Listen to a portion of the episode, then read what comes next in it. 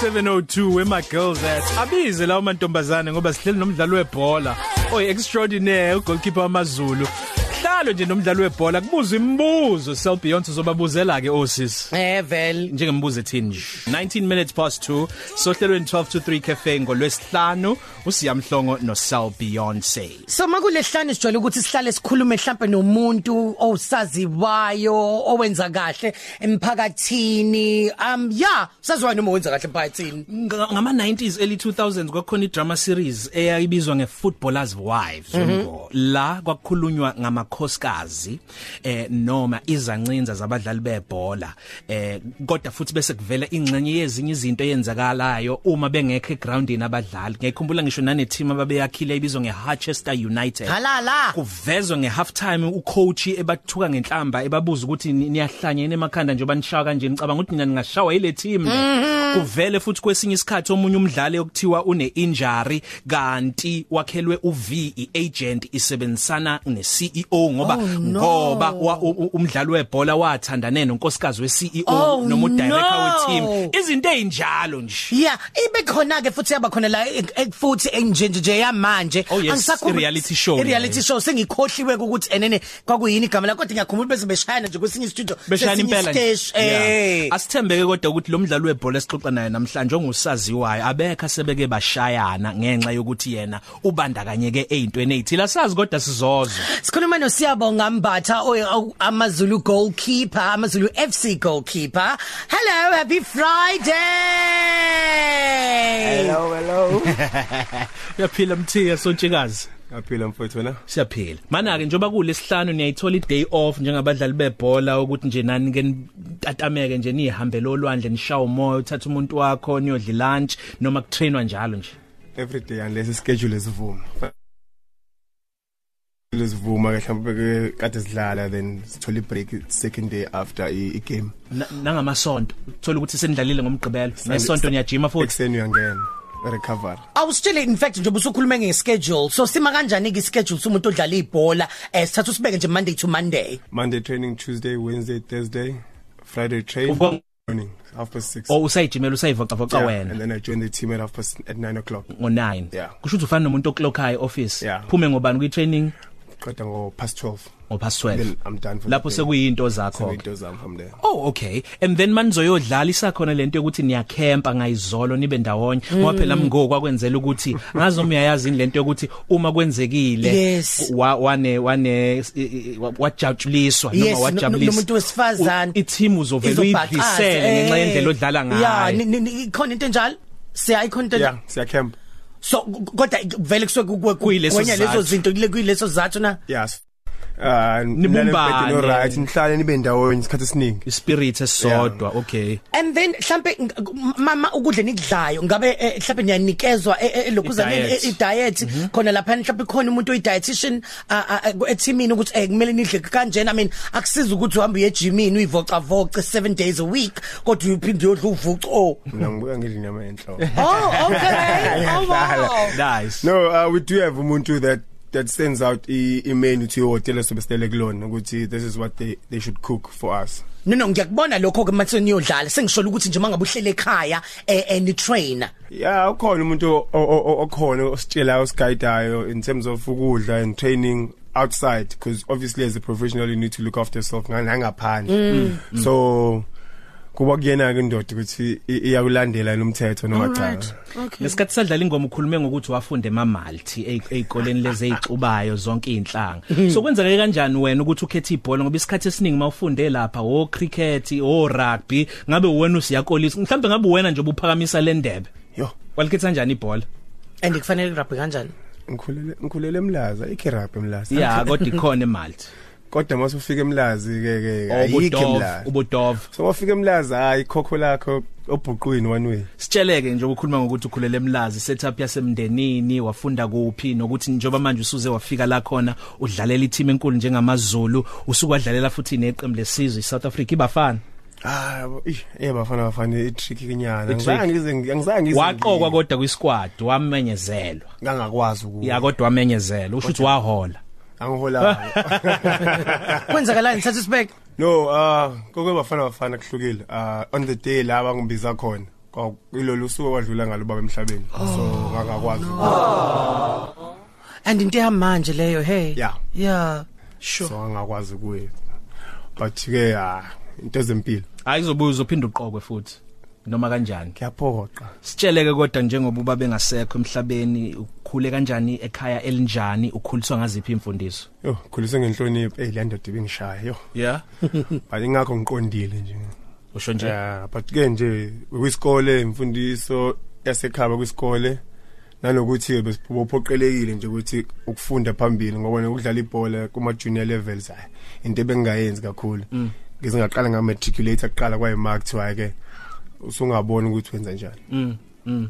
Awusitshele ngezigameko mhlawumbe ezazi kwenza ukuthi njengamanje ubone ukuthi yazi ubaba lento angifundise yona noma uma lento angifundise yona isisebenza lana ke manje njoba ngiyi professional football player. I think isikole sisodwa nesiyakwazi ukuqoqa umuntu sikufundisa indlela eright that's why kubalekile ukuthi uye esikoleni ufunde ngoba ezinye izinto ukwazi ukuzibona ngelinye ihlo unlike umuntu ongafundile so khona izimo la ifikayo ubone kahle ukuthi la if bengingazange ngiye esikoleni bengizibenge ngize ngiyihandlishe ngalendle engihandlishe ngayo. Yeah, yeah. Okay, sihleli nosiyabonga Mbathu ngasibhalela umbuzo wakho @ukhozi_fm #1223cafe nokuthi kwenzakala nje mase ngena ngemoto yakhe iGerman car umengena nje edlula ka VM Laza ebheke eziqala kokudlisa ngokuthi abadlali abaqhamuka egoli babehlala be, becampe executive ehotel lapho kuyochwaza umlazi wonke ke makuzodlala iChiefs nePirates. Kodwa manje sifuna ukwazi ukuthi eh obani abaslide kuma DM nokuthi uyabaphendula njengomdlali webhola niphila kanjani kuzo zonke lezo ilingo ngoba zikhona. Siyazi ikhona 14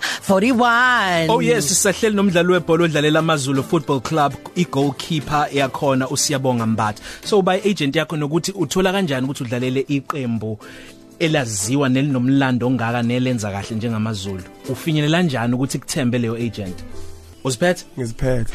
Awunayo Ngiyazi- agent? Ngiyazikhulumela nje. Shu! Ay, sasikhuluma nobani? Kambe um khona sasikhuluma na? Yes. Sasikhuluma no no no nomlingisi. Ngiyakhumbula sasihleli nabo eh, la angisekhohle igama lakhe. Esasikhuluma na ngendaba yokuthi kwesinye isikhathi uyadinga ukuthi eh, ube nomuntu okukhulumelayo a- ngoba mhlambe ungayidayisa kancane wena you know? Ungazi ugcina ungayitholanga lento ekufanele ngabe uyayithola. So uyayithemba kakhulu ngaleyo ndlela noma akazi mhlambe kwenzeke kuwena ukuthi mase kumele ukuthi negotiate yakhe contract ube la ubambeka khona. Ya wazi ngani noma mhlambe uhola imali encane Yes. kakhulu njengamanje. Angithi nama agent na asuke ezokubamba na ngendlela yawo.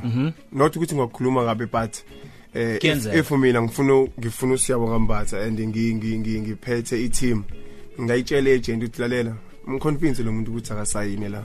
Ngizokunikeza imali yokuthi wena eceleni. So wena uzikhulumela nemanager ye team ukhulume no, no CEO no director wakhona? Lawo boss ngihlala naye kanje etafeni ungammela lo ya Ivan Khoza lo ya Kaizer Mtawong ungammela lo ya Patrice Motsepe. Hlala sibhekane kanje Kanje. kanje naye emehlweni. Yo. So bakuthola kanjani ke ukuthi uzukwazi ukuthi uzudlalela amazulu awusathu sibeke? Okay uh, into eyenzeka ngakwi group le eyawina i i league eh, kwi NFT ithanda Real Zulu mayiwina i league. Oh wow. So bathenga ista- amazulu athenga i-status. So mabethenga i-status base bethenga abadlali abawu5 abeza ne, ne team okay ngala. okay.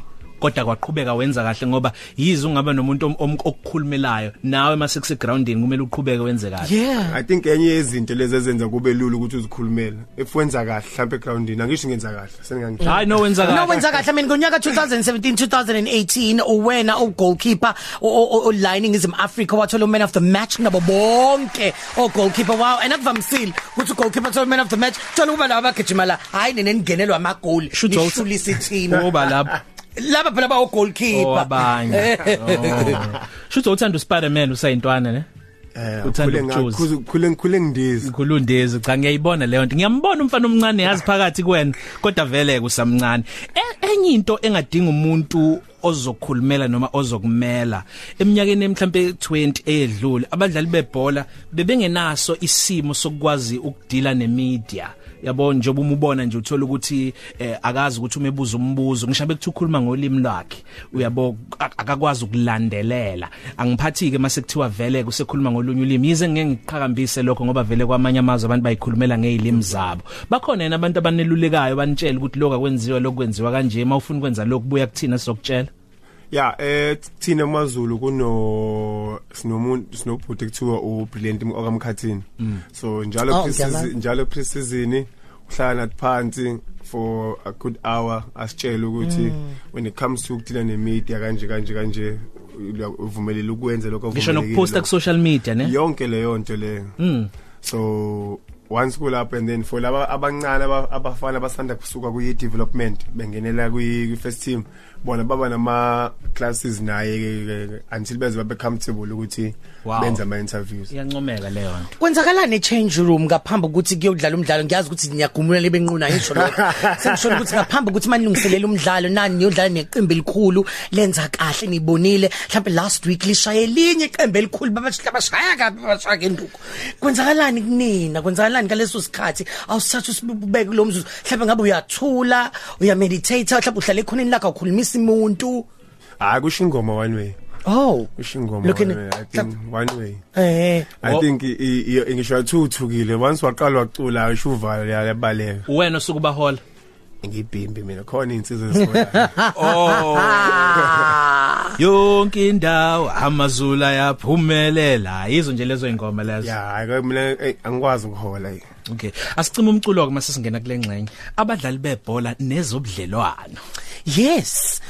Abadlali bebhola ngabe kuyiqiniso yini lokho esingoba sike sizwe bandla kusamafuqama ka into ekhona leyo ukuthi hayi eh loyayana engathi umdlali webhola eh eh u- u- uthandana nobulili obufanayo wakwazi izinsulo ezifana njengalezo? Kagabanye asisho ukuthi isho amagama kodwa into esike siyizwe. Pendula! Drum roll. Angeke ngimazi akukho mazi kodwa usuke wazizwa. No obvious isikhona in- izinto ezikanje Hey! esecirculate kodwa phela ke anginayo show ngoba into engizwa ngizwa bethi nami. Kuzwa kushiwa abaningi kodwa. Hey bambadlwana bona.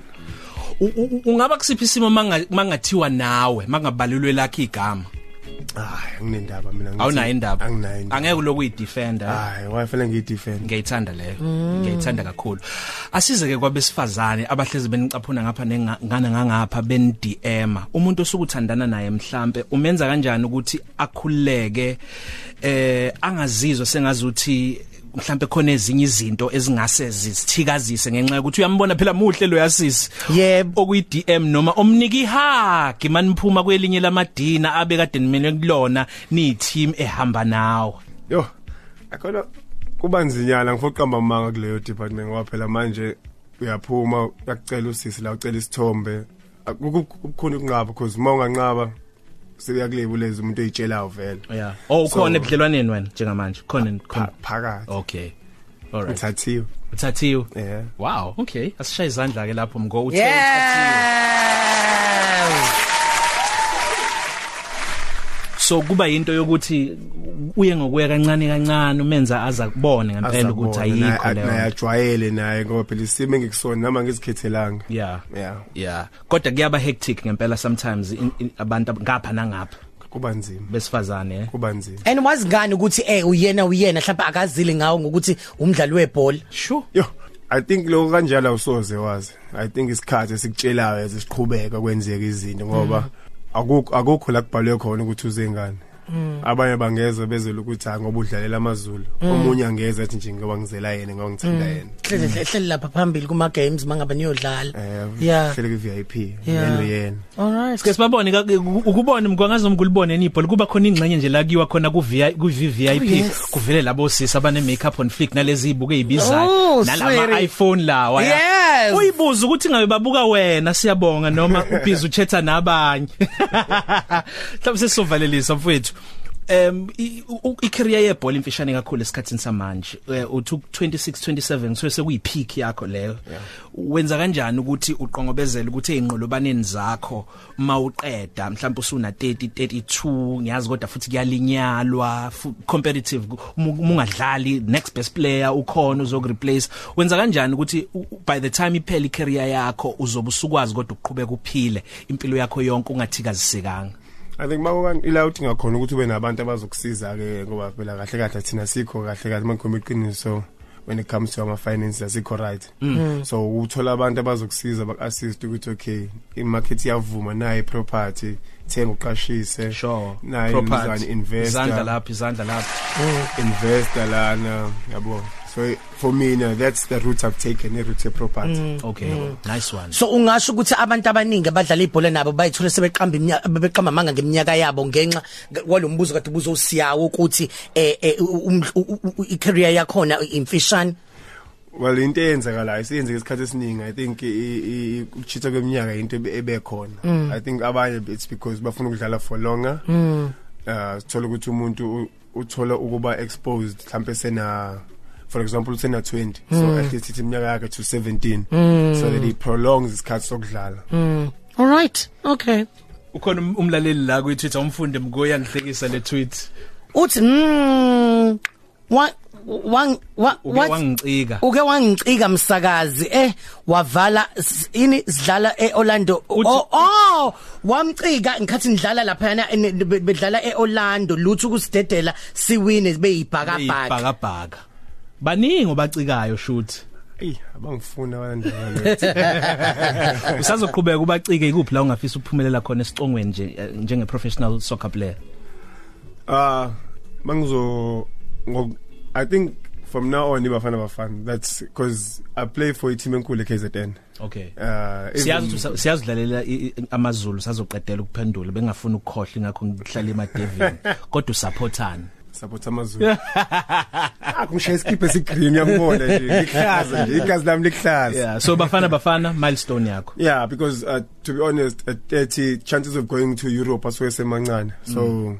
for me right now ukudlala kumaZulu ngisebenze kumaZulu and if kwenzeka God willing sithole sithole nje ukusa trophy nyana kumaZulu so that umuntu ezokhumbuleka ngathi wadlala kumaZulu. Yeah. Kube khona into ethile ecwebecwebezelayo mabe mabe fika kuthiwa inayo trophy ayashiwa ile group le. Yebo i class of bani bani? 2000 and bani. Kokugcina ngaphambi ukuthi nje uhambe sikudedele yini ocabanga ngokubona kwakho eyenza ukuthi bafana bafana iyenze ngalendlela eyenza ngayo kulezi insuku zamanje? Iwinileke yazi? Qeda kwini oh okay yeah yes. Kodwa ke siyazi kulo win leyo. Nje thukela. Hlezi kunetha nje oh liqhamuka nje ilanga futhi lingashisi kakhulu. Yindaba? I think impatient from abantu laba abaphethe ibhola abafanele basifundise ukulinda. I think nje wasithola ucoach omusha fanele bamnikeze isikhathi ukuthi enze asibabone sohlulekile so bona bazo bamnikeza isikhathi esithandwa yibona mase kube wena abadecide ukuthi uhlulekile so i think masingamnikeza isikhathi sibone ukuthi yena uhamba ufika kuphi. I think ungakhipha mphu umdlali ufake ba ah. Ngikhipha Ronon Williams ngifaka siyabonga mbatha. Oh okay. Halala awuyena khona ebhaleni siyabonga kakhulu. Sikuthola kanjani enkundleni zokuxhumana? Siya siyambatha 28 kulosisi othe usiya usemthathile. Lokhu sikwenza ngoba sihleze sibuza wonke ama guest ethu. Ukuthi utholakala kuphi enkundleni zokuxhumana? Asiqondile ukuxova into yenu. Hayi isho wena sifuna ukulandela thina. Siyambatha 28 ku Instagram siya_mbatha ku Twitter Okay ezinye zemidlalo zoyithola namhlanje ebusuku ngo7 o'clock. Uzobuyinikezwa uyena eh, uVictor Mlefu ngaphuthelwa siyabonga siya. Coffee Cafe. Ilunch yakho ayifani neyizolo